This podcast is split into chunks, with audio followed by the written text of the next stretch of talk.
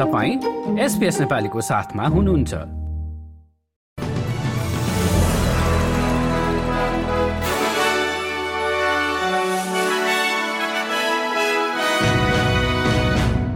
नमस्कार आज बिहिबार पच्चिस जनवरी सन् दुई हजार चौबिस। अब पालो भएको छ एसपीएस नेपालीमा आजका प्रमुख अस्ट्रेलियन समाचारहरू सुन्ने।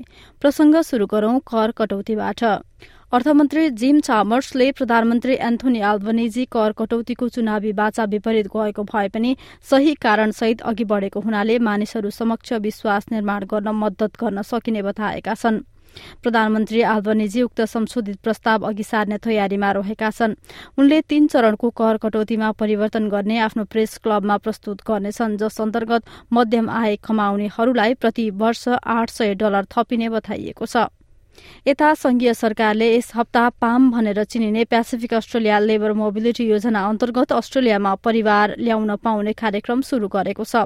यस कार्यक्रमले पाम योजना अन्तर्गतका दुई सय कामदारलाई आफ्नो परिवारका सदस्यहरूलाई अस्ट्रेलिया ल्याउने अवसर दिनेछ।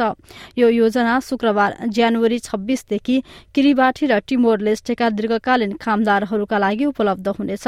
त्यस्तै क्विन्सल्याण्डमा आज राति चक्रवात किरिली जमिन भएको क्षेत्रमा आइपुग्ने अनुमान गरिएको छ। दिन प्रतिदिन शक्तिशाली हुँदै गइरहेको उक्त चक्रवातलाई दोस्रो श्रेणीमा ल्याइएको छ र इगहम र वावेनवेसको तटमा जाने बताइएको छ। तटीय क्षेत्र पार भएपछि भारी वर्षा हुने सम्भावना रहेको ब्यूरो अफ मेट्रोलोजीले जनाएको छ। भिक्टोरियाको फिलिप आइल्याण्डको एक बीचबाट उद्धार गरिएका चौथो व्यक्तिको मृत्यु भएको छ। बुधबार दिउँसो पानीबाट निकालिएका दुई महिला र एक पुरूषको ज्यान गएको थियो।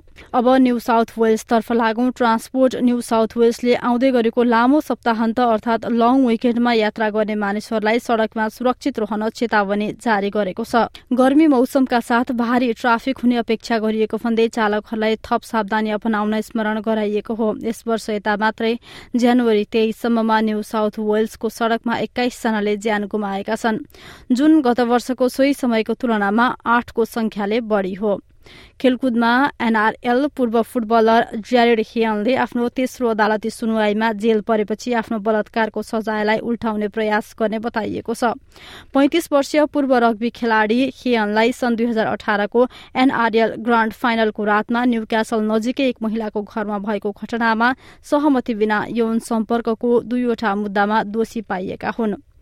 हस्त एसपीएस नेपालीबाट आजको प्रमुख समाचार यति नै। सुरक्षित रहनुहोस्। नमस्ते।